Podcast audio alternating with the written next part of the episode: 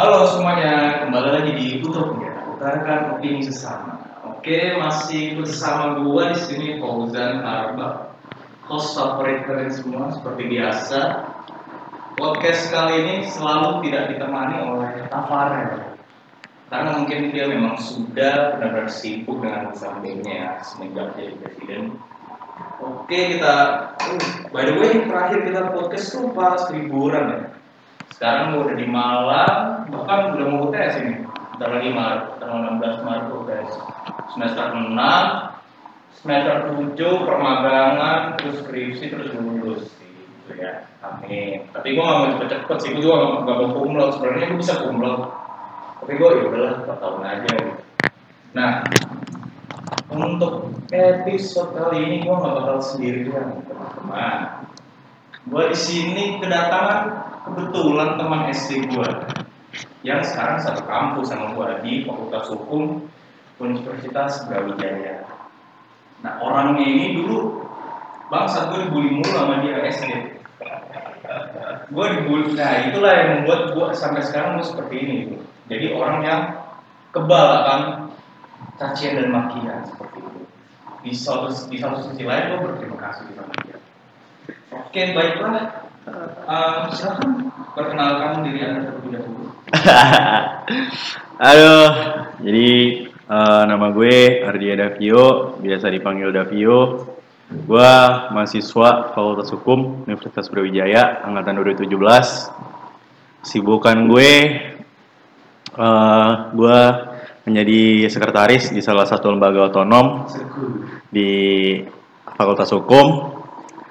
Terus ya gini-gini aja. Jadi kebu- pernah nge-tweet di apa ya, di Twitter ya nyari teman podcast gue bilang bayarannya peskop cuman dibilang kemurahan ya udah gue bilangnya peskop satu lusin gitu tapi ngomong-ngomong soal karbak eh eh lu ini ya apa ya, bisa bisa komplot ya emang IP lu berapa ya? Sebenarnya nggak bisa kumlot. jadi itu bisa, bisa, sebenarnya bisa. Cuman masa IP masih dibuka-buka sih di sini jangan dong. Iya, Buka aja sih yang gue buka. Iya, iya. Passwordnya kalau mau tahu, ntar dia itu kasih tahu. ID sama password. Iya boleh boleh boleh anjir. Iya jadi dulu karena begini apa? ya? Sebenarnya gue bukan suka bully dia, tapi dia yang minta dibully. Nah lu Kok- tau lah. gitu? Bisa? Semua semua semua tapi Anjing. gue lucu banget tapi sedih nih. Maksudnya ya udah sebenarnya gue biasa aja sama orang-orang gue sebenarnya nggak bukan nggak suka bully orang tapi si Karbak ini minta gitu loh. Kalau kayak sehari tuh kalau nggak diapa-apain dia yang memancing untuk dibully sebenarnya. Kenapa lu bisa bilang gue minta untuk dibully? Emang gue ngapain? Ah anjir. Kayak pernah deh. Eh Apa karena perawakan gue? enggak, bukan karena perawakan, tapi cringe aja. Cringe-nya tuh gimana anjir? Cringe aja gimana ya? Eh Gue dulu paling terkenal SD tim tarian SD. iya. Oh, enggak sih, ini sih yang bikin lo dibully tuh soal masalah percintaan lu pas SD anjing. Anjing percintaan. percintaan pas SD lu lucu banget, sumpah lucu banget. Siapa aja dulu ya? Alisa. Halo Alisa, jika kamu mendengar podcast ini. Anjir. Aurel. Aurel, patah hati pertama saya. ya, ah itu sih. Ah, nah pas makanya kayak gue percaya nih orang-orang stand up comedy itu kayak kalau dia nyeritain eh, patah hati pertamanya, nah itu lucu bener ini sama kayak yang terjadi di Karbak. Per- patah hati pertamanya tuh lucu banget dan minta dibully sumpah. Sumpah itu menjembulu banget. Gitu. Tapi kebal kan lu sekarang ya? Lu mau caci maki kayak apa aja lu kebal kan lu sekarang? Enggak, enggak juga sih. Baper ya dikit ya. Gue masih baperan nih. Iya, namanya juga manusia ya. Baper, baper, baper. Terus dia tuh Davio ini bro pernah lempar gue sepatu anjing. Lu inget gak? Gue Ingat itu yang paling gue inget sih sampai sekarang. Terus gue ngadu ngadu ke wali kelas gue. Lo yang diomelin. Terus guru juga ada pernah ngatain gue pas di absen Fauzan Karbak kar kar mobil bak bak terus mobil bak kan gua aduin ke mak gua Eh, iya siapa anjir? Ada? Mr. R dan namanya Sir R. guru agama Oh, eh. Well, bab, canda anjir. Baik, Karbak itu bukan gua doang aja Karbak tuh nama keluarga by the way Karbak tuh Gua sebenarnya kurang Portugal lagi, lu gak percaya kan? Lu gak percaya kan? Gue sih percaya sih dari perawakan kulit Eh, lah. Jadi, gua punya kakek. Eh, Kakek gua lahir di Ambon. hmm. Otomatis, ini menurut perkiraan gue otomatis buyut gue juga lahir di Ambon. Iya. Nah, pas jam pas zaman itu, Jajahan. eh penjajahan Iya. seorang Portugal juga ikut ikutan tuh. Terus ada peristiwa apa gitu di Ambon? Nah, mungkin dari situ tuh. Terus Ah. kawin kan. Oh kakek, kakek lu kawin sama orang ya, Portugal? tahu kan masih prediksi. Oh, prediksi, prediksi. Kebetulan kebetulan timelinenya sesuai dengan Anjir. sesuai dengan peristiwa tersebut. gitu. Makanya lahir Ah. sekarang. Apa nenek buyut lu? Lu gak pernah nenek, nenek buyut lu orang mana? Gak tahu, gua, gua tahunya kakek buyut gua. Tapi gua gak pernah lihat. Tapi gua tahu namanya. Karbak dia? Haji almarhum Haji Endep Karbak. Endep. Endep.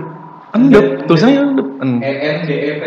Endep. Seriusan? Iya. Anjing gak ada ambon-ambon itu namanya ya? Gak tahu. Karbak kali Ambon ya. Iya, tapi iya sih kalau Ambon tuh gue juga punya temen orang Ambon emang kulitnya kayak gini maksudnya sawo kematangan Iya. tapi manis tapi manis Gitu sih gua, gua tanya ke temen gua Cewek ya rata-rata Eh gua ganteng, ganteng gak? Enggak bok, lu tuh manis. Nah. Nah, Terus gua tanya, apa bedanya ganteng dan manis? beda. Kalau ganteng tuh Sekali lihat, oh ini ganteng nih. Tapi kalau manis, beda. lama gitu. Iya. Oh manis juga nih orangnya yes siapa ya? Cewek lu cewek lu? Yang kepincut itu. Apa? cewek lu siapa cewek lu? Banyak cewek. Gua, eh gua tuh diomong eh enggak aduh julid julid julid tuh sering diomongin kampus gila oh iya serius Serius Incer. buat ceweknya Iya. Suka ganti, gonta ganti ya. Gak jelas beda dulu, padahal cuma sama satu orang doang dan gue setia gitu. iya sawi Emang orang-orang tuh, kalau cewek, cewek di jurusan gue, eh, bukan di jurusan, cewek di fakultas gue tuh, baby ya gak usah sebut lah ya. Iya Jadi emang gitu dah, kalau gitu tuh gue udah, udah biasa banget, apalagi yang ukti-uktinya. Iya, tapi tapi bukannya jurusan lo ukti ukti nafti gitu. ya? Gak boleh. Boleh. Iya. Sebenarnya kita mau bahas apa sebenarnya? Oh iya, boleh. Lo bahas apa sih hari ini kita? Di sini barusan ya, kita tuh sebenarnya random ya. Random. kita nggak kita nggak tahu dulu mau bahas apa di sini tapi tadi barusan si Davio ini nyaranin bahas tentang quarter life crisis Boleh, quarter life crisis. apa itu sebenarnya apa itu quarter life crisis Sebenarnya eh quarter life crisis tuh eh, lebih ke psikologi banget sih. Mungkin kalau ada orang psikolog, anak psikolog denger, koreksi aja ya kalau gue salah. Mungkin eh, penafsiran gue quarter life crisis tuh ketika eh, merupakan proses me- menuju pendewasaan di mana kayak eh, biasanya itu dialamin orang-orang ya mahasiswa-mahasiswa lah dari umur kayak 18, 19, 20, 21 kayak merasa "Ah, anjir ya gue ternyata gue udah 21 ya udah tua banget nih. Terus kayak pasti eh, adalah pikiran-pikiran kayak gue harus nikah umur misalnya umur 27 berarti gue setidaknya harus setidaknya sukses atau mapan 24 25 nah itu ketika lo udah merasakan perasaan-perasaan seperti itu seperti itu gue menurut gue itu adalah quarter life crisis karena lo ada pressure tekanan batin sendiri ketika anjir 24 tuh ternyata tiga tahun lagi dan eh anjir ya gue ternyata tahun ini akhir tahun ini gue udah skripsian Iya gak sih? Gak tau sih penafsiran gue gue seperti belum itu. ngapain Dan kayak anjir gue di sini ya gue masih ya baru kemarin gitu masuk iya yang kayak gitu-gitu.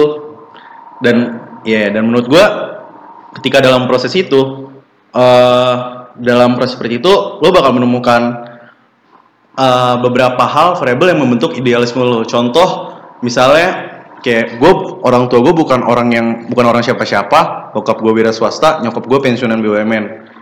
Sedangkan gue mahasiswa fakultas hukum yang di mana ketika gue lulus, setidaknya gue harus ada apa ya bahasanya ya orang rahasia umum lah, lo harus punya channel untuk mau kerja, mau magang apa pun itu. Dan ketika gue ngeliat temen gue yang punya privilege, gue kayak anjir dia enak banget ya dia punya privilege, dia bisa magang di A, B, C, D, E. Dan gue gak punya apa-apa. Terus gue kayak mikir anjir bisa gak sih gue survive setelah gue lulus? Dan gue gue melihat juga banyak teman-teman gue, abang-abang gue yang lulus, lu udah lulus nih dan sampai sekarang belum ngapa-ngapain. Gitu dan kayak itu jadi pressure buat gue. Nah itu mungkin itu bisa dibilang quarter life crisis atau menurut gue gitu. Kalau lu kalau lu gimana bang? Nah kan kalau- kalau gue ya, gue setuju sama yang tadi Davio. Maksud lu privilege itu gimana? Maksudnya kayak orang dalam itu apa itu termasuk privilege? Eh, privilege di sini sih nggak cuman lebih orang dalam sih maksudnya eh dari secara materi bisa dari secara eh relation juga bisa lebih ke arah arah situ sih sebenarnya cuman ketika apa ya privilege itu lebih ke wah ini orang nih ketika lulus dia udah udah tahu nih mau ke mana dia udah ada penunjangnya dia ada support sistemnya sedangkan kayak gue gue lulus eh ya nggak tahu nih kayak isu-isunya CPNS aja pun pakai orang dalam CPNS yang ya gitulah tau lah pasti ada aja. Gitu sih. Ngomong-ngomong privilege nih sebelum gue bahas tentang diri gue Lu tahu susu nasional kan? susu nasional. nasional. Tahu tahu tahu Ternyata yang punya temen gue anjing. Ah serius? Temen gue di sini. Temen ka- temen kampus? Temen kampus, angkatan 16, satu jurusan sama gue Sumuri nasional? Iya. Dia tinggalnya di Permata Jingga ya, tahu sendiri Permata Jingga Oh iya, ya kan, ya. rumah-rumahnya kayak gitu kan. Gua gua bener-bener shock tuh. Ternyata selama ini gua minum susunya dia anjir. lu beli dia yang kaya. Terus dia dia ini dia kalau udah dulu ntar uh, bilangnya uh, gue kayaknya mau bikin bisnis bang bisnis restoran. oh iya. Gua tanya, eh dia bilang kalau mau join bilang gue aja bang. Terus gue tanya. Uh, terus gimana modalnya gini-gini gampang kan? Minta aja om gua yang soalnya om dia kan yang punya exit Oh iya. kan brengsek banget tinggal Iya, minta doang. Warga ya. nah, itu kan bisa termasuk Nah, privilege tuh, iya. gitu. Eh bentar ya grab gue datang nih. Taruh kat aja iya siap siap. Ambil dulu martabak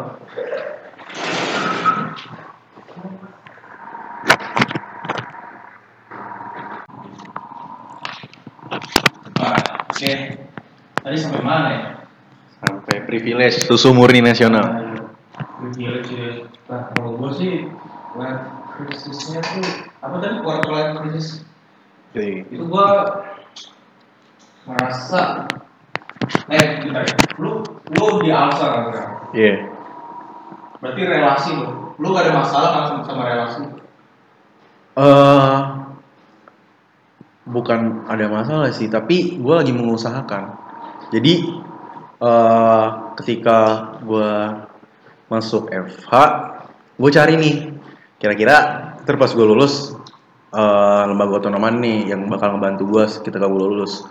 Makanya kenapa eh itu sih the reasons why gue masuk Alsa, karena menurut gue cuman Alsa doang yang bisa eh apa ya dampaknya tuh sampai setelah gue lulus lah. Dan ya itu sih yang gue dengar dan ya gue harap itu menjadi salah satu langkah juga dari gue makanya kenapa gue nggak pernah tertarik sama politik kampus oleh BM, EM apa pun segala macam pun itu. Karena menurut gue uh, useless aja nanti ketika gue kerja. Lu pernah di ya iya karena cuma ya udah di kampus doang. Dan gue nggak tahu keti- ketika nanti lulus kamu masih ingat oh lu pernah BM sama gue menteri apa? Menurut gue sih enggak lah nggak tahu sih kalau misalnya ya eh ormek-ormek itu lah ya gue nggak ngerti dia lebih kayak gimana. Itu sih kalau gue ingatnya nah, itu pembahasan sama gue boleh kalau lu gimana? kalau lu gimana? Nah, jadi quarter life crisis gue tuh di sini kan dia eh, bilangnya kalau misalnya eh, masalah tentang emosional gitu. hmm. Nah, jadi gue di sini orangnya gue pernah di- ada satu titik di mana bener gue program di situ gue em, jadi ketua pelaksana. Hmm. Dan itu gue stres gue pernah stres kayak gue sudah kan ini kan ini pengertian umumnya quarter life crisis ini kayak misalnya lu sudah udah kerja tapi di endingnya itu atau outputnya itu lu kayak nggak dapet apa-apa gitu. Dan gue di proker ini itu kayak pernah gue kayaknya udah melakukan semuanya yang bisa gue lakukan gitu. Gue kayak gue gue selalu gue selalu mementingkan kenyamanan orang-orang yang ada di proper gue gitu loh. Kebebasan mereka gitu tapi tetap jangan di luar eh, eh, batas dari sebuah deadline misalnya Iya. gitu. Nah jadi gue pernah stres. Karena apa ya? Karena internal masalah internal ya masalah internal proper gue Hmm. kayak bener-bener ada yang hilang ada yang ada yang udah mau ada yang keluar kayak gitu. Jadi gue bukan di malam nih jadi gue langsung ketika gue tahu berita itu gue langsung ke Batu terus gue ke alun-alunnya terus gue duduk ngeliatin air mancurnya dong udah kayak gitu. Gue bener pusing gue stres. Gue ke sana sendirian duduk cuma ngeliatin air mancur doang kayak gitu ini juga nggak sekali dua kali gitu. Kayak sebenarnya gue setelah proker itu jalan gue nanya gini. Hmm. eh gimana sih gua? Gua kenapa sih kalian gini gini? Gini sebenarnya mereka ngomong bukan kita gak benci kamu bak. Bukan mereka bukan manggil gua bak kita gak benci kamu bak. Cuman kamu munculnya eh, di waktu yang salah gitu loh. Kayak misalnya mereka tuh lagi hektik hektiknya ngerjain job desk job desk mereka. Hmm. tapi gue muncul nih gue muncul lagi buat padahal maksud gue baik gue cuma ngingetin doang eh ini gimana nih? Gini gini udah udah udah deadline terus akhirnya mereka nggak bales terus eh, akhirnya ada yang hilang hilangan liburan hilang hilangan kayak gitu. Jadi sebenarnya gue tuh gue apa yang dibilang kamu kapal terbaik kedua terbaik bang setelah si ini gitu. Gue gue juga senang aduh senang banget gue dibilang kayak gitu tapi memang ada hal yang di luar kendali gue untuk ini namanya juga perasaan tiap, tiap orang gue orang ya. gue juga ngerti. Cuma gue udah gue udah relain semuanya apa yang gue bisa gitu. Jadi couple ini kan kebanyakan orang ketua pelaksana ini kebanyakan orang kayak um, ya udah lu couple terus lu ya udah lu konsepin terus lu udah tinggal nyuruh nyuruh doang kasarnya gitu kan nggak nyuruh nyuruh doang divisi tapi gue bener-bener yang nyari sponsor gua kadang-kadang terus yang kadang-kadang kalau misalnya yang bagian desain nggak bisa gue bisa gue ngedesain sendiri. Kadang-kadang kalau yang caption gue bikin caption sendiri. Jadi bener-bener gue masuk semua divisi gitu loh. Gue udah berusaha gue gue bener-bener pengen bantu mereka gitu loh. Jadi di sini gue gue nggak bener-bener cuma nyuruh-nyuruh doang. Kecuali kalau misalnya acara gitu divisi acara gue bener-bener gue orangnya konseptor banget gitu. Dari menurut menurut eh, pandangan orang-orang, gue orangnya bukan konsep, maksudnya gue orangnya bukan konseptor, gue orangnya eksekutor. Jadi orang-orang juga bilang, bah kamu tuh nggak boleh kayak gini, kamu sebagai couple jangan mau digerakin sama eh, anak acara doang. Ya, gue juga setuju sih, gue gue juga minta maaf, soalnya bener-bener gue cuma eksekutor doang gitu, gue orangnya bener-bener bisa ngekonsep gitu. Sampai ada orang yang kesel gitu, baru bilang kemarin tuh pas gue suruh ngaku. Soalnya pas proker terakhir gue ini bener-bener vibesnya beda anjir. Gue datang ke kelas sudah kan eh, apa sekelas tuh ada beberapa panitia di gue Hmm. kayak bener kawannya kok kawannya pada benci sama gue gitu. Pada diem cuman setelah proker ini kelar gue bener lega sih gue jadi gue pas proker itu gue pengen ngobrol aja sungkan gitu takut menyinggung perasaan dia gitu. Jadi gitu sih sebenarnya. Gue selalu merasa gue kurang apa gitu. Gue udah selalu memberikan afeksi lo afeksi kan Iya, tau. ngasih snack Iya. ngasih gitu-gituan Iya. ngasih dukungan segala macam tapi entah mengapa ya namanya juga perasaan orang. Terus di sini dibilangnya gue lihat di kumparan kayak di mana ya? Ya di IDN Times di sini tertuliskan 25 tanda kalau kamu sudah mengalami quarter life crisis. Salah satunya, salah satu. Salah satunya di sini em, mana ya? Akan timbul pertanyaan dari dalam diri apa, apa ini yang sebenarnya aku inginkan dalam hidup dan pertanyaan itu muncul setiap hari.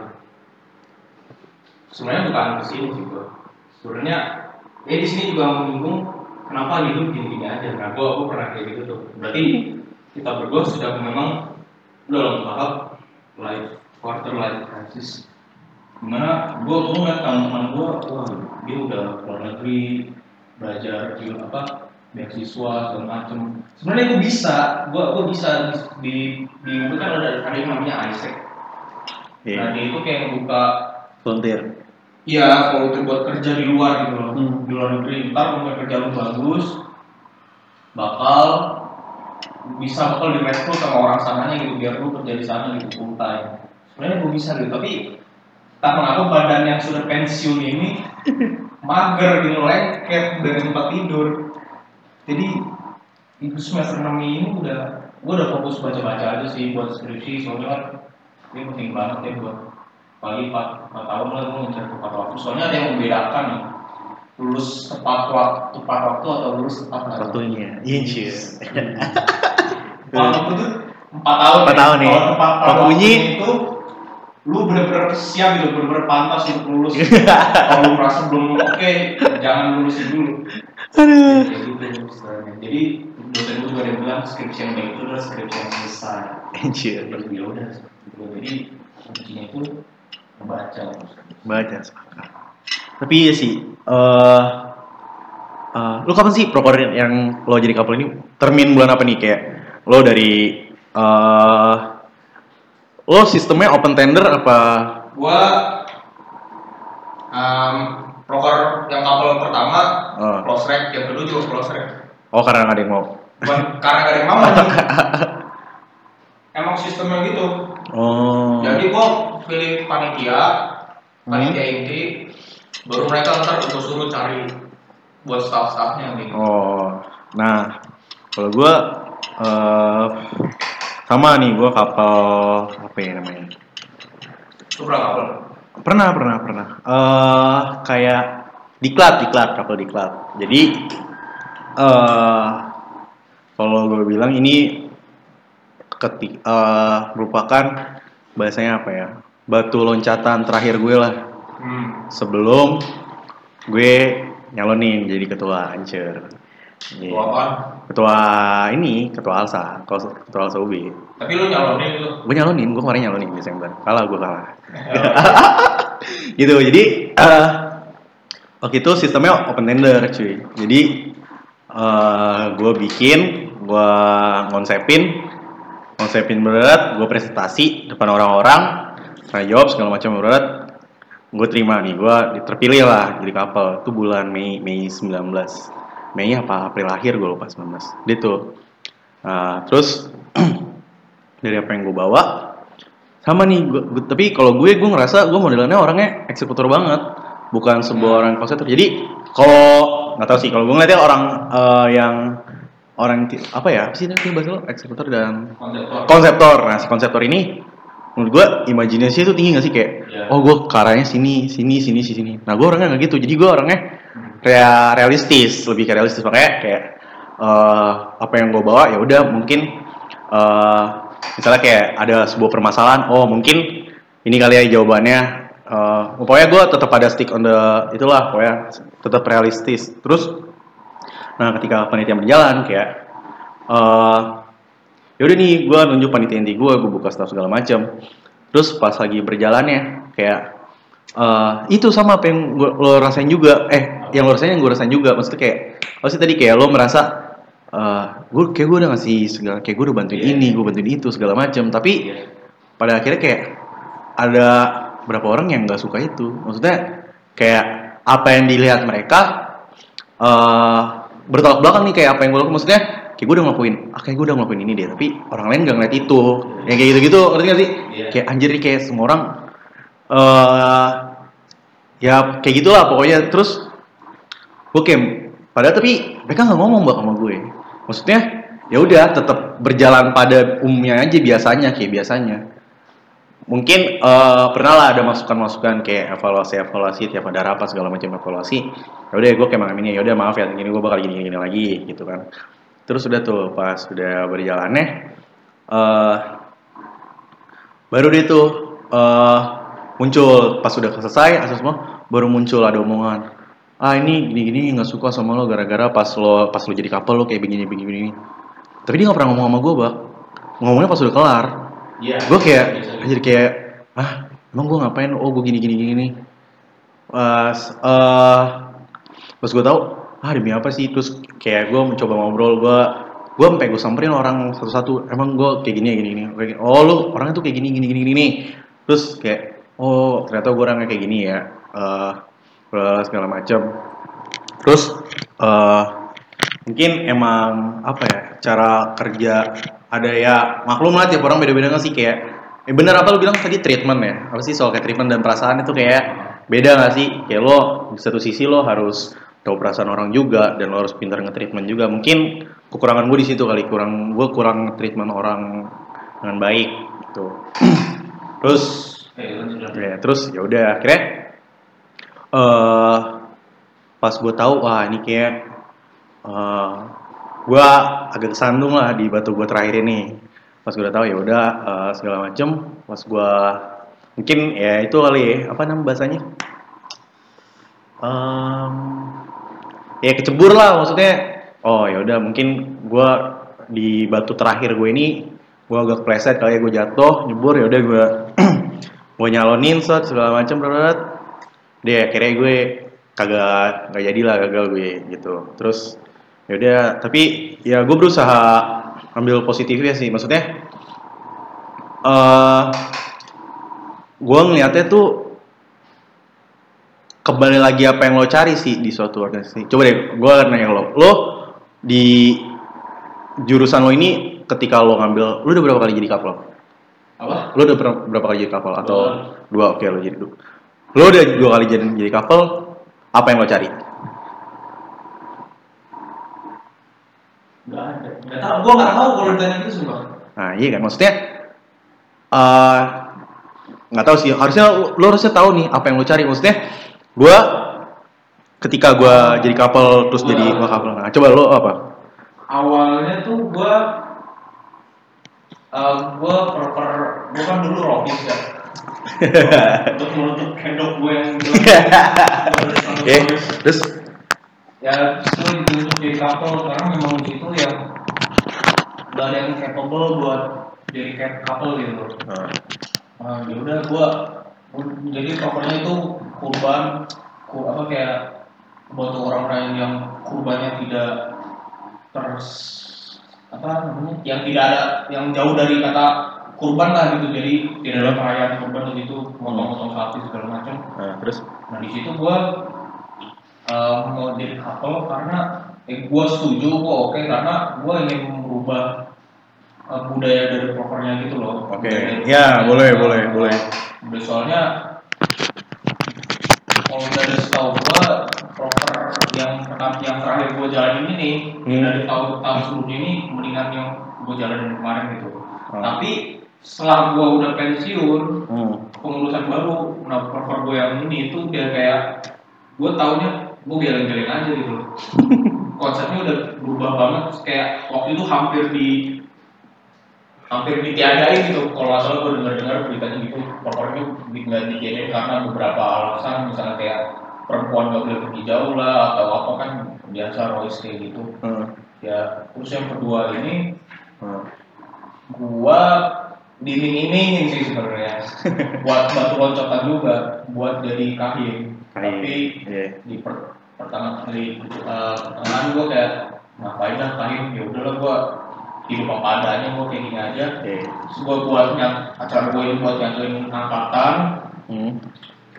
ya ya udah terus pada pada akhirnya setelah proker gue yang terakhir ini kelar kayak outputnya nggak sepenuhnya ada gitu buat terutama buat angkatan gue karena kan kayak gue ngerasa apa sih ini berkubu-kubu banget Hmm. nah dari dari, dari poker gue ini emang sengaja buat ayo ini proker eh acara kita sama-sama gitu tapi pada hari H hari pas hari H prokernya itu acara intinya kayak yang datang kok segini gitu ya. Oh, sementara jurusan lain rame gitu. Kenapa yang dari prodi gue nggak ada sedikit banget? Hmm.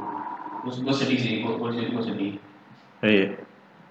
terus yang bicara tentang konsep orang eksekutor tadi ada istilah yang ngomong seberapa buruknya couple kalau anak pacarnya bagus bagus acaranya jadi benar-benar kan kesannya couple kayak terima jadi aja gitu loh. Hmm. ya udah ini kan udah lu couple biar acara yang konsepin segala macam nah kayak gitu.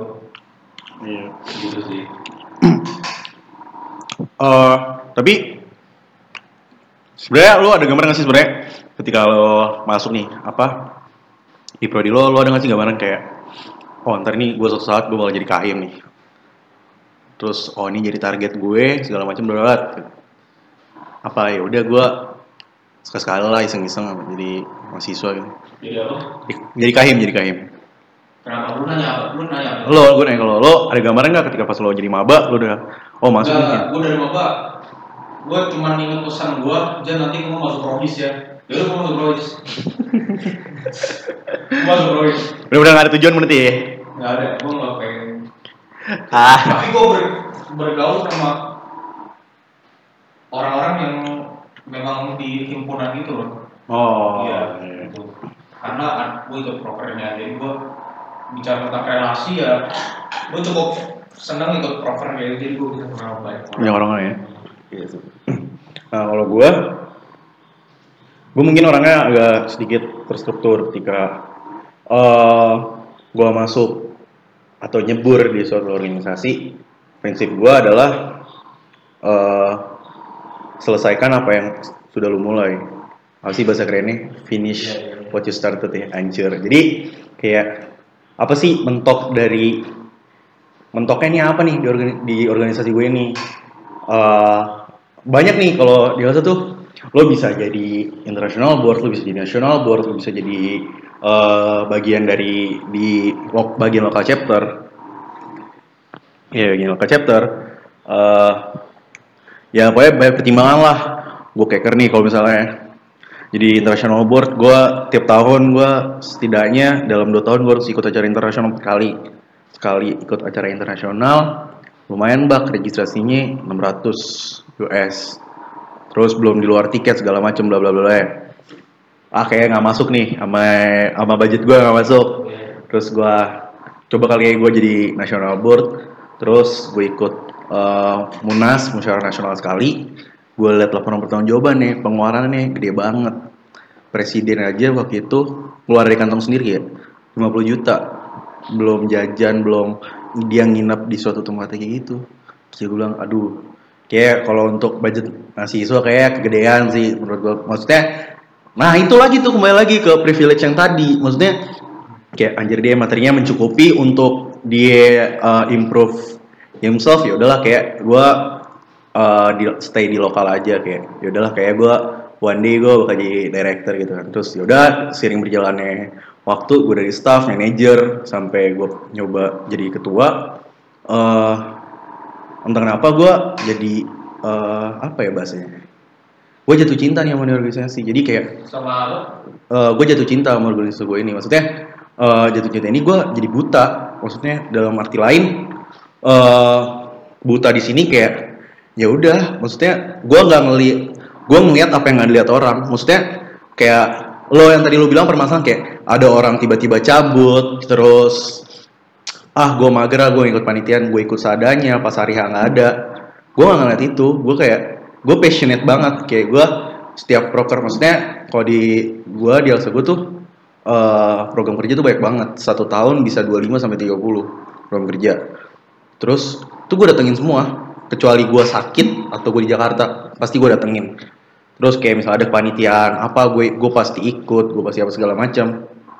Nah tapi gue juga sempat bertanya sebenarnya apa sih eh benefit maksudnya apa yang bakal gue dapetin lagi ketika gue menjadi ketua? Maksudnya eh suka kayak ketika terus ketika gue jadi ketua and then what gitu. Gue gue juga sempat mikir gitu kayak terus kalau gue jadi ketua terus apa lagi? Gue mau balas tuh. Jadi di FEB kayak dari BI hmm?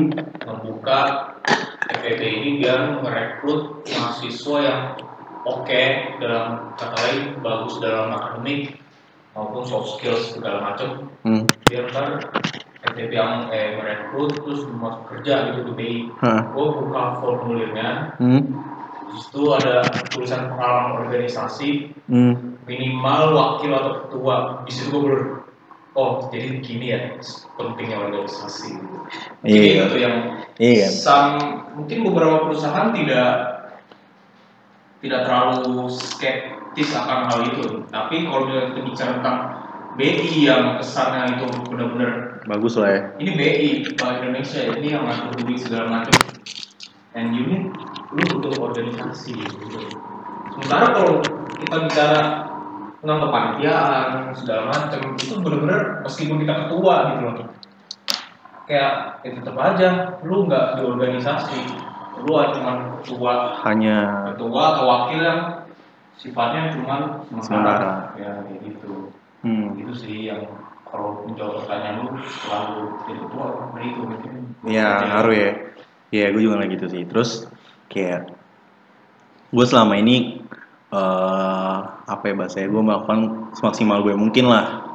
Terus eh pernah gue di satu sisi gue kayak ngerasa sendiri. Maksudnya dalam arti lain tuh gue eh apa ya bahasanya? Em, Gak tau nih gue orangnya insecure banget sih. Jadi kayak gue ngerasa kesepian.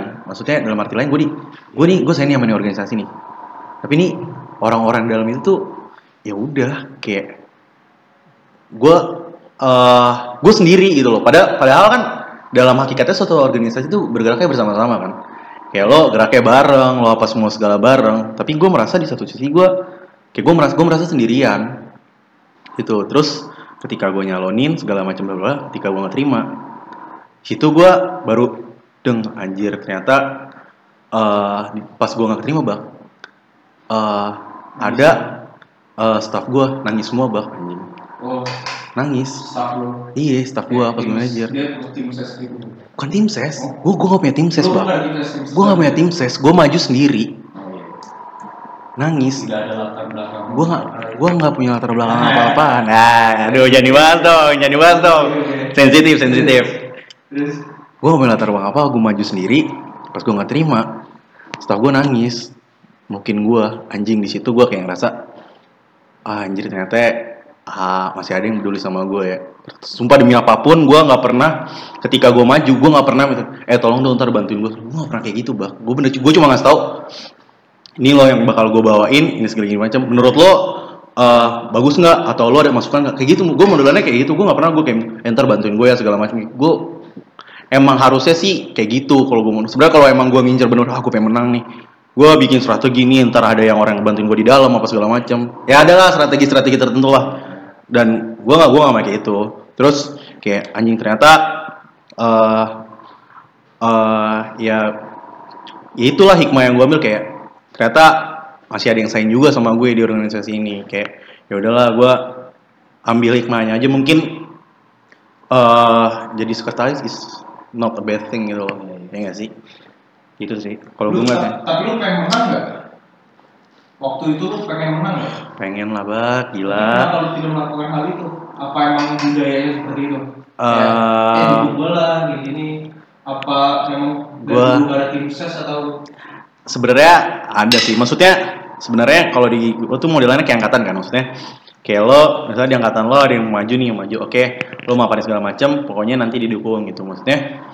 Eh, cuman gue model orangnya ketika eh, lo suka sama apa yang gue bawa lo dukung gue aja. Tapi ketika emang lo nggak setuju atau apa lo boleh kasih tau gue atau enggak ya udah lo nggak sependapat sama gue. Jadi kayak gue ya udah gue membiarkan gitu loh. Ya, ya, daripada tim ses tapi sebenarnya dia nggak oke sama Iya, gua nggak mau gua jadi ketua, tapi cuma gara-gara uh, ada yang ngedukung gua. Oh, iya. dan gua dan gua nggak sebagus itu. Ngerti nggak sih?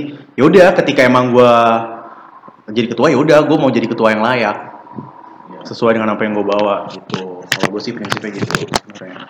Telak nggak? Kalau telak, kalau Eh, alot sih forumnya. Soalnya forumnya waktu itu ya. nggak tahu, gua kan nggak di dalam. Ah, forumnya tuh waktu itu dari jam 10 malam sampai 10 pagi. 12 jam. Gua ada ada notulensinya, Bang. Ada notulensi, tapi gua belum pernah buka sampai sekarang. kenapa? Kenapa lu buka? Eh, Takut. takut gua. Ntar kali ya pas udah selesai ini gua mungkin gua baru mau buka. Soalnya itu tahu nih apa di dalam situ tuh eh kayak voting per gua tuh nggak gua nggak ada voting bang di dalam. Jadi modelannya musyawarah mufakat. Oh, Jadi satu suara. Iya, jadi jadi eh, kalau di organisasi gue kayak agak haram untuk sesuatu yang voting. Jadi harus musuh. Kok gue juga dulu gitu di Rolls. Iya. Iya, ya. Iya, gue kayak gitu modelannya. Ya gitulah mungkin ada beberapa yang dukung gue, ada beberapa yang enggak. ya gue nggak tahu lah pergolakan dalam forum gimana ya udah mungkin gue gue terima terima aja kok tuh juga pasti ada hikmahnya baik ini kayak di satu sisi ketika gue jadi sekretaris pun eh gue bisa kenal kok sama ketua Alsa yang ada di eh apa kampus lain di misalnya di Sriwijaya Palembang gue kenal yang di Indonesia gue kenal yang di UGM gue kenal Unar Unar gue kenal. Ya gue bisa bilang gue kenal sana sini lah sama anak Alsa Indonesia lainnya gitu. Ya ya udahlah ambil hikmahnya aja gak sih? Gitu. Alsa. Alsa kepanjangannya apa? Eh, Asian Law Student Association. Asosiasi Mahasiswa, Mahasiswa Hukum Se-Asia Apa lagi ya? Geser kali ke topik ya Tapi gue nanya nih kalau nih Lo target nikah umur berapa? Apa? Target nikah umur berapa? Oh, nggak tahu gue. Nah serius lu? Tahu sih gue sebenarnya tapi gue Nah ini Ji, ini dia nih. Eh, Ini quarter life crisis nih, nih coba coba. Lo perspektif lo, menurut lo lo pantas nikah umur berapa? Maksudnya, ah kayak gue nikah umur 28 gitu, 9 gitu. Gue maunya sih dua dua lima itu ketuanya sih. 25 enggak lah. Tua ya. Enggak, enggak, enggak tua. Gue malah sempat kepikiran 30 bang. Iya, gue bokap lu dulu umur berapa lu? Hmm. Bokap gua, bokap puluh tuh ketuaan ya. tuan ya. Bokap gua lahir tahun 70, nikah nyokap gua tahun 97. 27 bokap gue. Nyokap gua 25. Ya gue sedapatnya duit gue sih anjir. Sebenarnya kan gratis anjir. Lu datang ke KUA, Bayar cepet. iya, iya, sudah gitu. Terus kentu gitu. Tapi kan budaya, Iya, Bang. itu gue paham. Tahu lah. Sebenarnya nikah itu oh, gratis. gitu. Gratis sebenarnya. Sebenarnya, cuman ya gimana? Kita harus membanggakan dari Iya. uh, Tapi keluarga. iya, tapi di satu sisi ya selain finance nih. Menurut gua ada satu eh, satu faktor lagi. Gak tahu nih, ini masih berdepan dalam diri gue juga. Eh, lo siap gak sih ninggalin semua habit lo pas kuliah? Maksudnya ngerti gak sih kayak lo pulang lo main sama temen-temen lo, lo apa segala macam, terus kedua lo ninggal- ya lo pasti prioritize your Gua family bahkan pengen pengen SMA lagi, lu pernah gitu? Wah, gue pengen sih. Sebetulnya bukan kul sekolahnya ya, maksud gue pengen main lagi gue sama temen-temen. beda sama kuliah. Beda, gua sepakat Meskipun kuliah lu bebas ngapain aja, apalagi lu merantau, cuman kalau lu bandingin SMA itu kayak kayak lu nggak kayak lu nggak kenal apa apa sih namanya itu? Stres kayak gitu gitu atau misalnya dorongan-dorongan atau mungkin under pressure tekanan seperti itu tugas-tugas. Soalnya kan uh, kan kita mikirnya SMA yes kuliah nih. Iya. eh udah gua pengen fase pengen berhenti kuliah tuh pas lima lah ya. Lima. Lima. Part- Lima tuh part gila tuh menurut gue. Tapi kalau udah ini gua selesai semester 6 udah tinggal bikin ini jurnal udah gitu doang terus mata kuliah gua udah berkurang gitu alhamdulillah gua gak ada yang ngulang juga mata kuliah gua Iya. jadi um, gue kalau ninggalin apa mau ngomong kuliah gini kalau misalnya gue beranjak kerja sih gue bilang gue bakal ngomong siap siap gitu. Kan siapnya ini karena ya memang ini gue udah berumur dan memang ntar gue bakal ditagih bakal buat nikah ya ya udah kerja gitu ngapain lagi? Udah nggak ada waktu ngedugem. Nah gue gue gue gue Iya, gue. ada waktu buat main-main lagi gitu. Nggak tahu sih kalau gue uh, Oh. Gue tuh pengen punya hobi anjir. Maksudnya hobi apa ya? ini hobi gue Hobi, hobi podcast ya. yes Gue tuh apa ya? Ketika gue lulus, kita bisa kerja, gue penghasilan. Gue pengen apa ya? Hobi nggak nggak nggak hobi-hobi mahal mobil motor gitu lah. Kecil-kecilan aja kayak. ah, Lo tau aquascape gak? iya ya tau Iya maksud gue. Iya gue pengen. Gak tau gue pengen ngerasain aja gue enjoy my money myself gitu maksudnya. Ngerti gak sih kayak gue pengen lah setahun dua tahun gue eh pengen sendiri. Malah tadi gue rencana gue pengen pengen gue pengen keluar aja. ya. Pengen keluar negeri aja gue pengen. Tahu gue kerja di sana, gue hidup di sana dulu sendiri. Maksudnya, ya gue punya pacar juga. Maksudnya, eh ya gue punya lah, gue punya plan lah untuk ke arah sana. Cuman, eh Gak tahu sih gue pengen apa ya? Gue pengen nikmatin duit gue Hmm. ya buat diri gue dulu. bicara tentang hobi, lu mancing gua ya. Gua lupa nyampein. Gua pengen apa? Sekarang sekarang pengen ngoleksi Tamiya lagi anjir. Tamiya doang tapi gak gua main, gak gua main cuma gua pajang gitu, gua pajang.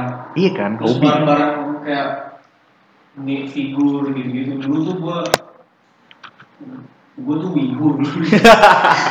Ya udah sih, semua orang kayak juga pernah Iya, dah. iya, Semua pernah masuk ke sekolahnya gitu. Jadi gue punya poster segala macam. Gue ter- terus fotografi sebelum gue pengen kuliah tuh gue sebenarnya pengen nyoba sekolah fotografi. Gue tuh dulu pengen jadi fotografer gitu. Karena itu orangnya latahan anjir. Oh, gue punya HP kameranya bagus gue foto-fotoin ah gue jadi fotografer kali ya. Gitu. terus, Terus, terus? karena ah ya udahlah budaya kuliah udah kuliah. Gitu. Hmm. kalau kalau misalnya koleksi barang itu gua terinspirasi, dari om gua sih. Jadi om gua ini Iya. punya dua rumah. Eh, tinggalnya di BSD rumahnya ini apa hadap-hadapan gitu. Jadi satunya rumah gua ditinggalin satunya lagi rumah buat koleksi dia anjir. jadi lu kalau masuk rumah koleksi dia itu barang-barang antik kayak game itu Nintendo, Sega. Bahkan yang kayak game arcade di situ ada terus Oh, motor iya? motor jadul ada kamera jadul ada. Jadi lu kalau masuk sana bener-bener anjir nih enak banget. Meskipun kayak jadul tapi kalau kalau lu liatin wah itu kesannya kayak dunia dunia lu banget gitu misalnya lu bener-bener pengen kayak gitu om gue niat banget beli Oh, iya. satu lagi buat Buat mainannya doang. buat mainan Hobi. koleksi-koleksi. Ah, Iya maksudnya kayak yang gue pengen cari tuh kayak pride-nya sih, maksudnya Iya. lo ketika lo punya sesuatu yang emang bener-bener dari hasil lo dan lo bisa nikmatin itu anjir itu itu sih cita-cita gue lah kayak salah satunya lah. cita-cita gue gue pengen punya sesuatu yang dari diri gue sendiri bukan duit dari orang tua dari mana emang dari keringat gue sendiri lah bahasanya gitu baik lagi nih ke nikah nih bak gimana nih lo 25 ya Nikah. Iya, Oke, kalau berarti lo sekarang berarti 21 ya tahun ini. ya? Iya. Tahun ini 21 lulus tahun depan lah ya. Menjelang 22. 22 kerja 23, 24, 25. Tiga tahun kayaknya Cukup lah 3 tahun. nggak tahu ya. Gua orangnya selalu pesimis aja. Baik. Gua gua Nah. optimis tapi tiba-tiba kayaknya enggak deh tiga tahun belum bisa. Suka gua suka kayak gitu orangnya. Nah itulah order life crisis ya. Dari yang baik gitu gua Tapi orang tua lo ada tuntutan gak sih kayak? enggak Oh nggak ada nyantai ya? Bokap nyokap ya? nggak tahu sih belum kelihatan aja soalnya kan waktu waktu itu uh, saudara gue udah ada nih terus Hmm. om gue di grup WhatsApp keluarga kayak ngomong Gimana? ayo siapa nih yang selan- selanjutnya terus gue nyeletuk aja udah ada nih om calonnya gue ngomong gitu kan Pancing, pancing jokatil. Terus terus nyokap gue ngomong gini apaan sih calon-calon kayak gitu ya udah Nah, tapi lo lu pacaran lama kan?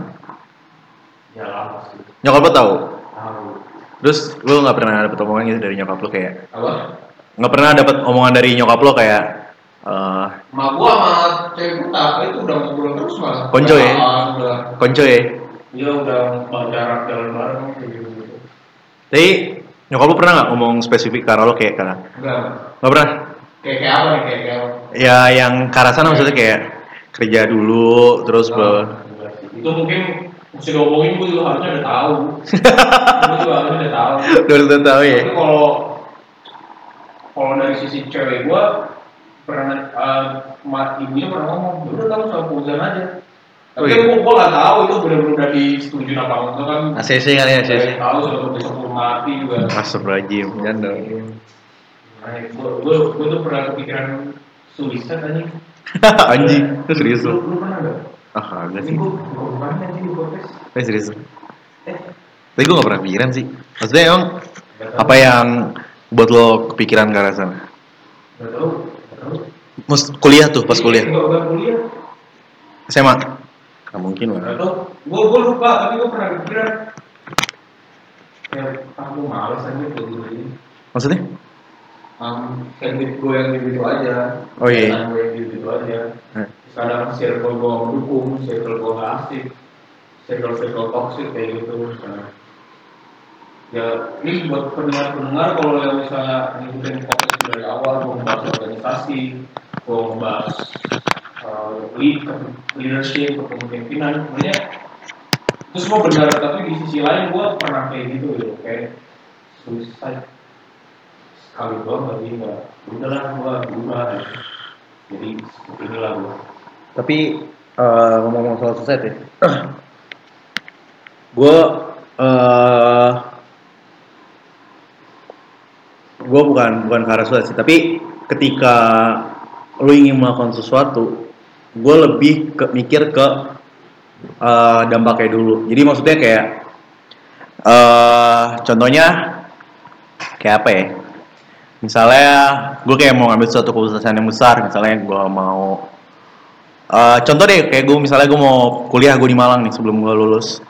Gue mikir dulu nih misalnya gue mikir kayak ntar gue di sana uh, ngekosnya berapa bulan berapa ngeberatin orang tua apa enggak? Terus mungkin eh ya gue nanya ke bokap nyokap gue kayak kira eh bisa nggak kira-kira kalau kalau uh, maksudnya bisa ngebantu nggak atau gue ngebebanin nggak gitu sih maksudnya eh nggak tau sih gue modelnya orang gak enakan. Jadi ketika gue ingin melakukan sesuatu gue pasti mikirin orang lain dulu baru mikirin diri gue. Jadi maksudnya kan kalau lo pernah pikiran kayak mau suicide mungkin suatu sisi harusnya lo pikiran sih kayak anjing kalau misalnya lo ngelakuin itu ntar bokap nyokap lo gimana adik lo gimana? Gue kepikiran ya tapi cuma suicide itu cuma masa aja gitu gimana ya suicide kayak gitu oh kalau tapi terus sudah gitu bukan Oh. bener-bener gue pengen melakukan Oh, kayak, eh oh ngerti aja kayak nah, kalau misalnya gue mati ntar orang-orang gimana ya soalnya gue ngeliat Iya. ini orang ini gampang banget bunuh diri ya iya sih gitu loh gue mikirnya gitu bagaimana kalau saya mencoba ya kagak Oh tapi menurut gua depresi itu bahaya sih.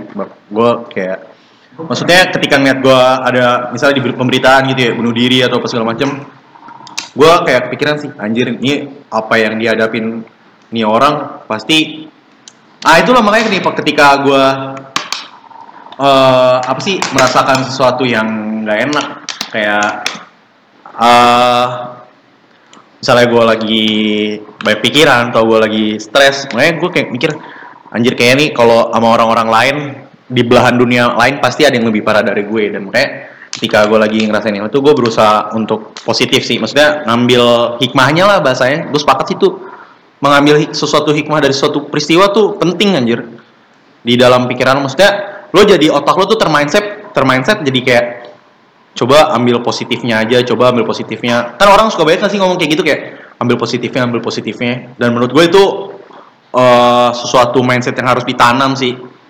Menurut gue dari, iya soalnya orang tua gue dari kecil kayak eh, ngajarin gue, ya udah ambil hikmahnya aja, ambil hikmahnya aja. Selalu ngajarin gue gitu, makanya sampai sekarang gue kayak kebentuk, oh ya udah gue ngambil positifnya aja dari suatu hal lah, walaupun itu baik atau buruk kan.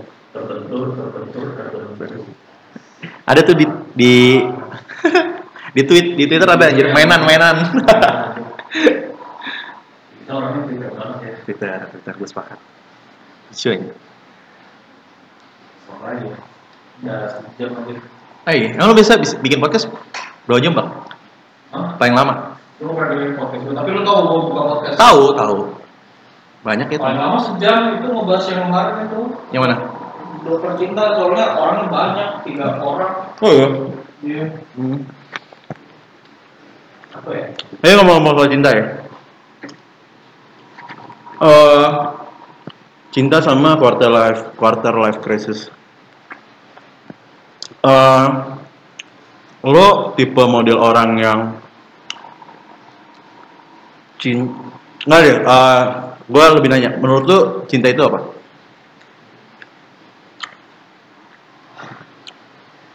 Eh, definisi cinta lo umur 20 di umur lo 21 berarti kan beda lah ya ketika lo umur 16 17 18 pasti lo punya perspektif eh, penafsiran mengenai cinta tuh pasti beda-beda.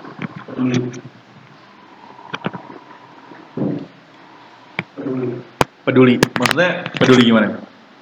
Ya lu menaruh perhatian lebih terhadap satu orang aja gitu ah oke. Okay. terus uh, ya udah itu sebenarnya terus kalau misalnya kayak ah susah gue mendefinisikan pokoknya intinya itu dah gue kayak ya udah ini cewek gue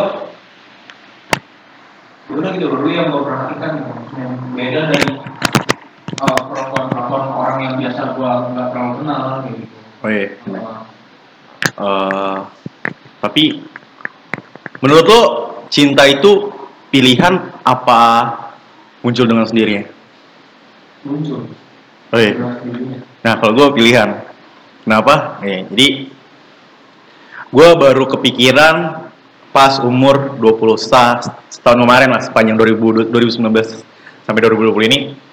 Kayak, eh menurut gue, tadi awalnya gue juga mikirnya cinta tuh timbul gitu dengan sendirinya. Iya, iya. Tapi eh ke sini-sini gue mikir lama-kelamaan tuh cinta itu sebuah pilihan, bang. Kenapa? ya? soalnya eh kenapa ya jadi eh gue gambarin oke lah misalnya gue gambarin sama cewek gue. Gue deket sama cewek gue nggak sampai lu punya cewek sekarang? Punya punya punya.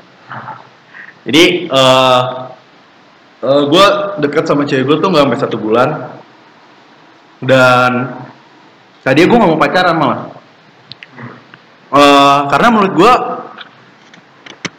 nggak ada bedanya ketika ya nggak tahu lah tuh orang-orang namainnya ATS atau apa segala macam penamaan itu segala macamnya soalnya eh nggak tahu sih gue eh tuh nembak karena ya atau mungkin karena cewek juga cewek gue juga kali ya masih memikirnya kayak gitu. Soalnya menurut gue ketika gue suka sama orang dan lo lo milih nih kayak kayak gue sama dia deh. Maksudnya dia bakal nemenin lo nih setidaknya eh kalau pacaran kayak lo bakal jadi partner gue nih untuk setidaknya satu dua tiga empat tahun lima tahun ke depan. Nah ketika lo cinta kan kalau cinta kan kayak lo ah kayak gue cinta deh sama dia. Kayak gue harus pacaran sama dia gitu kan. Kayak dia bakal timbul. Kalau gue enggak maksud gue milih. Maksudnya ketika lo milih ketika lo udah milih dia lo ketika lo milih untuk sayang sama dia peduli sama dia segala macamnya lo pasti eh bakal apa ya bahasanya? Eh bakal berkorban lebih banyak untuk dia. Ngerti gak sih? Maksudnya kayak eh gue ambil contoh eh ah misalnya kayak gue ambil contoh lo nih. Lo udah pacaran 4 tahun. Tapi lu sebenarnya punya opsi untuk suka sama orang lain. Iya gak sih? Kepikiran sih ya ya tapi gua ada lah. Maksudnya kayak lo ngeliat wah ini lo masa sih lo nggak pernah kayak ketemu? Nih kayak nih orang eh, bukan cantik ya maksudnya kayak eh apa ya bahasanya eh sikap dia kayak wah ini orang baik banget segala macam segala macam. Terus cantik banget lebih cantik dari pokoknya lo pasti ngeliat lah eh, ada beberapa cewek yang lebih dari cewek lo. Tapi ketika lo memilih untuk stay dengan cewek lo itu baru namanya cinta. Makanya kenapa gue bilang cinta itu memilih lo memilih di situ. Jadi ketika lo milih eh lo milih, makanya hidup tuh ada pilihan kan. Makanya menurut gue cinta tuh adalah pilihan. Karena ketika lo bertahan sama seorang itu merupakan sebuah pilihan. Tapi itu bukan bukan merupakan suatu cinta yang ada terus timbul. Dan menurut gue eh lo sebelum sama pacaran yang sekarang lo punya mantan kan. ya Eh menurut gue lo masih cinta sudah ya sayang sama mantan lo. Cuman sekarang lo posisinya lo lebih sayang sama pacar lo yang sekarang dibanding pacar lo yang dulu. berarti gua belum move on dong apa Enggak, itu bukan belum move on. Tapi eh lu ketika lu pernah memilih seseorang untuk mendampingi lo di hidup lo, berarti kan lu sayang sama dia kan. Sekarang lu milih orang lain nih, karena lo lebih sayang sama dia. Cuma beda kadar besar kecilnya aja. oh iya Dan menurut gua eh, cinta tuh nggak bisa berkurang lah. Cuman makanya kan orang-orang bilang eh, ada orang beberapa selingkuh di cewek bilang ah dia cowok ini cowok udah nggak udah nggak cinta lagi sama gue. Enggak dia udah nggak milih lo. Sebenarnya dia udah bukan nggak sayang sama lo, tapi dia udah nggak mau milih lo lagi. gue selingkuhin terus kan Nah iya lo lo jadi curhat. Nah ketika lo diselingkuhin itu cewek sebenarnya udah nggak bukan nggak sayang lagi sama lo. Eh maksudnya dia nggak sayang, tapi dia nggak memilih lo. tapi gua tanya waktu itu Kenapa? Coba kenapa? Alasannya apa? Kenapa? Tanya kenapa sama dia kamu sayang sama siapa sayang anjir Ah, ah tak. itu mah jawaban jawaban aman itu dua-duanya kagak lah pasti pasti dia ini pasti dia pernah maksudnya ah tapi pas lu dia selingkuh dia balik lagi ke lo nggak? Apa? Pas dia selingkuh balik lagi ke lo? Enggak kan? Enggak kan? Akhirnya dia milih dia kan? Apa enggak juga? Put- putus semua oh dia putus semuanya. Nah ketika eh nah itu itu namanya eh, pengkhianat ah berkhianat lah sikap berkhianat nggak sih? Maksudnya eh, ketika dia dia lo dia memilih orang lain daripada lo nah di situ hukum malam nah itu gue percaya tuh hukum malam tuh di situ apa sih namanya tuh bahasanya? Kurma. Eh karma karma karma karma. Nah maksudnya nah menurut gua eh apa yang lo perbuat ya benar maksudnya ada ungkapan apa yang lo tanam apa yang lo tuai. Dan gue percaya malah itu maksudnya ketika eh apa ya contohnya? Ketika misalnya lo komitmen sama orang lo sayang sama orang orang itu sayang sama lo nya ketika lo lo pernah eh, nyakitin dia atau apa pasti suatu saat bakal berbalik ke lo. Apa pun itu maksudnya ketika lo baik sama orang lo jahat sama orang itu pasti bakal semua bakal berbalik ke lo. Kalau menurut gue sih gitu. Tapi lo pernah gak sih kayak eh apa ya? Eh kepikiran maksudnya sama nggak tau sih lo pernah nggak eh deep talk gitu sama cewek lo kayak eh apa ya kayak lo pernah lo lo pernah nanya nggak? Kayak supaya bak nah lo pernah nanya nggak ke cewek lo kenapa eh, kenapa dia sayang sama lo? Atau lo pernah nanya ke, dia pernah nanya ke lo atau lo pernah nanya ke dia? Gue pernah nanya. Iya. Tapi ya alasan kayak biasa kayak orang-orang biasa. Baik. Nah, baik gitu. Tapi menurut gua kalau ditanya gitu gua selalu bisa jawab gitu. Oh iya. Itu nggak maksud gua kayak ya udah gitu gua gua sayang. Terus apa yang harus dipertanyakan? Kayak gitu. Terus lalu gimana pandangan lu kayak gitu? Menurut gua gitu. Iya. gua, tidak bisa menjelaskan secara rinci kenapa gua bisa gua bisa suka sama lu gua bisa sama gua cinta sama lu tiba-tiba Nah. itu datang. Nah. makanya gua bilang kan cinta itu iya cinta itu udah timbul dengan sendirinya nah, gitu ya. ya. soalnya eh soalnya menurut gua kalau lo berperan seperti itu eh lo berarti kan pasti bakal lo pasti punya pikiran kayak uh, I'll do anything for her gitu kayak apa pun itu pasti gue bakal ngelakuin buat dia segala macam buat dia dia dia dia pokoknya segala tentang dia kan pasti di satu di satu sisi lo pernah gak sih mikirin diri lo maksudnya kayak eh menurut gua eh, pacaran yang baik adalah ketika eh, kalian berdua sama-sama berkembang. Jadi contohnya eh, misalnya ada A sama B pacaran gitu. Yang A nih sayang banget nih tulus nih, pokoknya cinta mati lah bahasanya, buta segala macem. Dia tetap eh, eh, sayang segala macem. Nah si sehingga si B ini improve nih. Yang tadinya misalnya si B ini cewek dia ada cewek malesan apa segala macem. Terus nih cewek ini jadi bener, jadi rajin segala macem. Tapi si A ini diem-diem aja. Menurut gue itu toxic, gak sehat. Maksud gue eh feedback, maksudnya ketika lo sayang sama orang, orang sayang sama lo, pasti ada value lain yang tumbuh di keduanya. Maksud, coba pasti lo pernah em, kayak apa ya?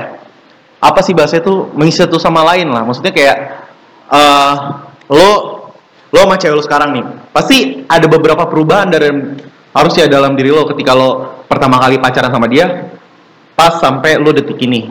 Pasti ada. Apa? Coba kasih gue contoh. kayak apa ya gua di ngomong pasar ya Oh lo, gua ngomong bego aja lah boleh aja sama dia ya oh ya lo dulu lo Mangkasar nyablak segala macam apa ya? soalnya dia kayak jangan gitu nggak boleh tahu kayak gitu Oh, iya gitu. terus dia juga buat apa namanya sekarang dia gue suka aja sama dia sekarang kayak dia udah dia investasi emas dia Oh iya. dia beli emas beberapa beberapa Oh, iya. dia soalnya Iya. terus harga emas kan juga tiap tahun naik Naik. Modal banget dijual Jual ini. buat modal apa lah buat ya sakit saya kamu in future ada Iya kan, maksudnya kayak apa yang dia lakukan eh eh contoh gue gue ambil contoh gue ya Eh, lo pernah nggak ngerasa eh, apa yang dia lakuin sama cewek lo nggak lo banget. Em, dan kayak lo apa sih kok cewek gue kayak gini? Nggak gue banget. Ah ya kadang gua suka gimana ya? Nggak ini loh nggak. Kalau ngobrol kadang gua tahu dia nggak tahu. Kayak maksudnya? gak nyambung gitu loh ngobrol ngobrolannya Oh, oh iya. ah, apa ya kayak gua udah asik asik nih eh kamu kamu nggak ini ini ini apa sih itu apa sih apa Eh, iya. tahu. nah itu gua jadi jadi kayak gak asik gitu kalau misalnya dia dia juga nggak tahu gitu gua kesannya apa dia nggak jarang lihat HP atau apa kayak jarang berita segala macam Eh. kayak gitu tapi lo mentoleransi hal itu kan Iya. Nah, di situ maksud gua ketika emang makanya menurut gua cinta tuh nggak hanya sekedar timbul maksudnya eh beriringan sama toleransi dan juga beriringan sama eh pengorbanan sih menurut gua kalau cintanya. Ya kembali lagi lu memilih untuk bertoleransi dengan hal seperti itu gak sih? Maksudnya, kayak contoh, gue orangnya eh gue orangnya ini banget gak apa ya sebenarnya gue orangnya nggak terplanet banget gitu loh maksudnya ya udah gue eh, berjalan dengan begitu aja maksudnya kayak gue hari ini contoh kayak hari ini gue ngapain nih kalau nggak ngapa-ngapain ya udah gue nggak ngapa-ngapain. Maksudnya kalau gue mau misalnya hanya se, se sepele nyuci piring naruh laundry kalau gue lagi mood aja. Tapi kayak gue kebalikannya nih. Dia kayak dia hari ini misalnya pagi eh, pagi aku mau nyuci siang aku mau yoga sore aku mau ke mana ke mana ke mana struktur. Dan kadang eh, ketika dia melakukan itu dia mencoba menerapin ke gua dan dan itu nggak masuk kan awalnya di gua kayak ah apaan sih ini? Maksudnya kayak ngatur-ngatur banget. Terus kayak gue mencoba lihat hal positifnya. Oh iya benar juga ya maksudnya ketika eh ada baiknya juga buat lo sebenarnya apa yang dilakuin oleh cewek lo gitu. Dan menurut gua eh, itu sih kayak sepanjang lo ada timbal balik yang positif menurut gua itu eh, sebuah apa ya? Sebuah relationship yang gak toxic menurut gue ya. untuk masalah relationship ya. Maksudnya soalnya eh gue ngeliat banyak eh kalau kayak orang pacaran in the middle kayak umur 19, 20, 21 ya udah hanya eh ya ya lo tau lah ya maksudnya. Ya gitu loh maksudnya susah ya menurut gua gua agak sedikit bersyukur gua eh ketika gua udah pacaran juga agak lama. Karena menurut gua ketika kuliah lu susah lagi men nyari. Soalnya benar juga tuh ada pernah gak sih lu denger kayak lu semakin tua lu semakin picky semakin makin milih-milih gak sih Iya. untuk jadi partner lo? Dan sebenarnya ketika lo makin tua lu semakin logis. Iya. ketika lo muda lu bego. Pas lu remaja tuh ya udah lo kayak mana tuh biasa aja. Padahal sebenarnya ya benar maksudnya lo logis semakin tua lo logis makin logis. Karena emang tujuannya untuk ya baik juga sebenarnya. Cuman ketika lo terlalu logis lo jadi menurut gue sikap toleransi lo terhadap suatu hal semakin berkurang. Ada yang bilang kalau gue setuju sama statement gitu jadi kayak ada yang enak dijadiin pacar tapi belum tentu enak buat dijadiin istri gitu jadi teman hidup. Iya. Ya gue lebih ke ya udah ke masa depan gue apalagi kalau jangan pacaran lu jadi istri gitu. Ya enak buat jadi istri gitu. Ya alhamdulillah ya. Ya oke lah ya sekarang ya. Masih oke. Ntar lihat aja ke depannya. Ada yang tahu. Iya, jodoh gak ada yang tahu juga kan. Maksudnya, menurut gua setiap peristiwa dalam hidup lo itu ada pembelajaran sih. Pasti gua, maksudnya, gua mengamini apa yang terjadi sama gue ini menjadi pembelajaran buat gue. Contoh apa ya? Eh, sebelum gue sama pacar yang gue yang sekarang, gue jomblo nih agak lama nih. Ada kali bang saya 4 tahun lah.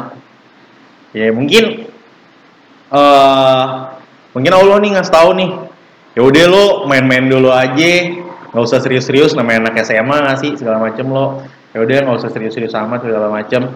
Kayak terus mungkin jadi eh, karma juga buat gue atau segala macem. Gue pelajaran sih. Coba eh, pembelajaran apa yang lo ambil ketika eh, peralihan dari mantan lo sama pacar lo sekarang? Apa yang lo apa yang bisa lo pelajari menurut lo? Boleh. Kita kita kita konklusikan ya Apa tadi eh coba lo ini apa ya bahasanya?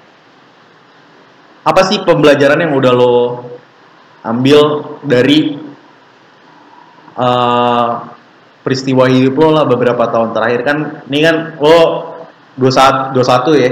Udah mau 22 ibaratnya quarter apa quarter life lo udah mau habis lah setidaknya dari umur lo 17, 18, 19, 20 kan pasti banyak lah hal eh, peristiwa-peristiwa dalam hidup lo yang merubah lo banget lah sampai lo sekarang. Maksudnya lo pasti punya idealisme sendiri nggak sih Ya. prinsip dalam hidup lo yang lo pegang teguh sampai sekarang? Jadi um, pertama yang mengubah hidup gue tuh karena adanya organisasi semua omongan-omongan cutting lo kalau maba nih ya.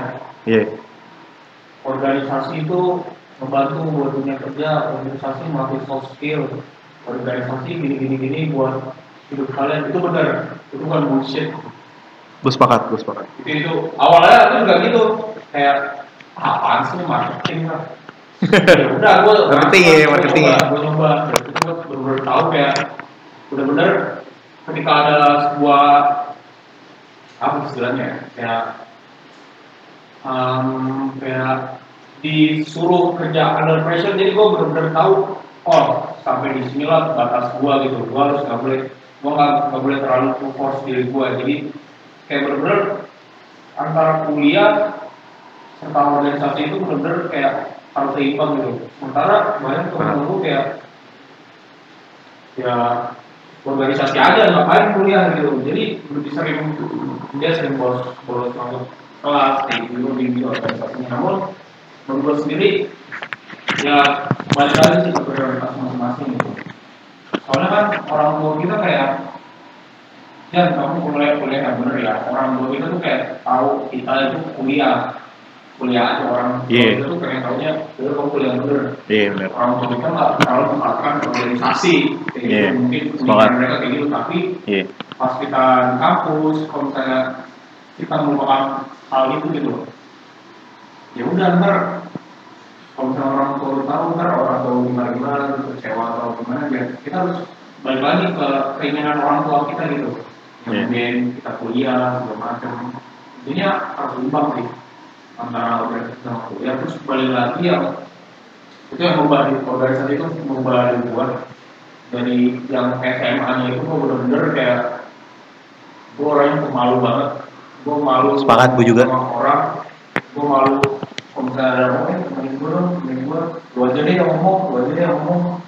Nah gara-gara organisasi ini tuh jadi gua malah jadi gitu kebanyakan ngomong gitu nah, tapi berbicara tentang organisasi nggak selalu outputnya itu bagus kan ada sampai salah satu teman gue kayak dia benar-benar selalu mengandalkan gue gitu kayak dia orangnya dia orangnya takutan gitu nggak nggak percaya diri gitu padahal dia menjawab organisasinya lebih lama dan jabatannya bisa dibilang lebih tinggi dari gue sampai sekarang gitu Heeh. dan jadi ya semua itu bukan berarti sepenuhnya bakal dirubah oleh organisasi tapi itu bakal dirubah oleh kemauan diri lu sendiri Sepakat. gue dikit kali ya, buat tutup ya. Tentang topik utama quarter life crisis ini, eh sebenarnya gue punya pesan sih ya, buat anjay, buat pendengar ya. Iya. Sebenarnya eh ketika lo ngerasa lo nggak bisa apa-apa, lo gini-gini aja, sedangkan lo punya temen yang punya privilege lebih dari lo atau mungkin kurang dari lo, menurut gue eh lo coba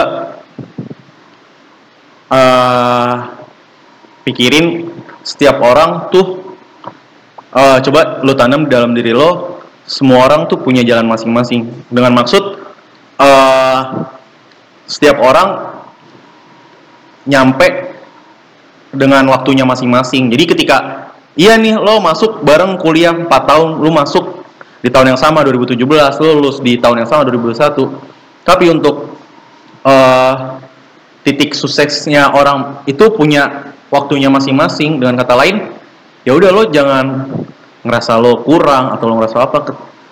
Menurut gua itu merupakan sebuah ya udah ini jalan Tuhan yang kasih ke lo maksudnya ketika lo, merasa lo nggak punya apa-apa lo nggak ngerasa, ngerasa jalanin apa-apa lo merasa kurang di situ sebenarnya eh, Tuhan punya cara lain untuk menunjukkan lo bahwa sebenarnya lo harus bisa bersyukur sih sebenarnya. Kayak sebenarnya masih banyak orang yang lebih kurang beruntung dari lo di situ sih. Maksudnya eh, untuk menanggulangi kayak lo merasa eh, dalam masalah hidup kayak itu cuman hanya ada di pikiran lo aja kayak aduh lo gue punya pressure nikah umur 26 segala macam menurut gue itu eh, jangan terlalu diambil pusing sih karena Tuhan punya cara lain untuk menunjukkan eh, apa namanya berkahnya lah untuk lo di suatu saat. Gitu sih kalau dari gue.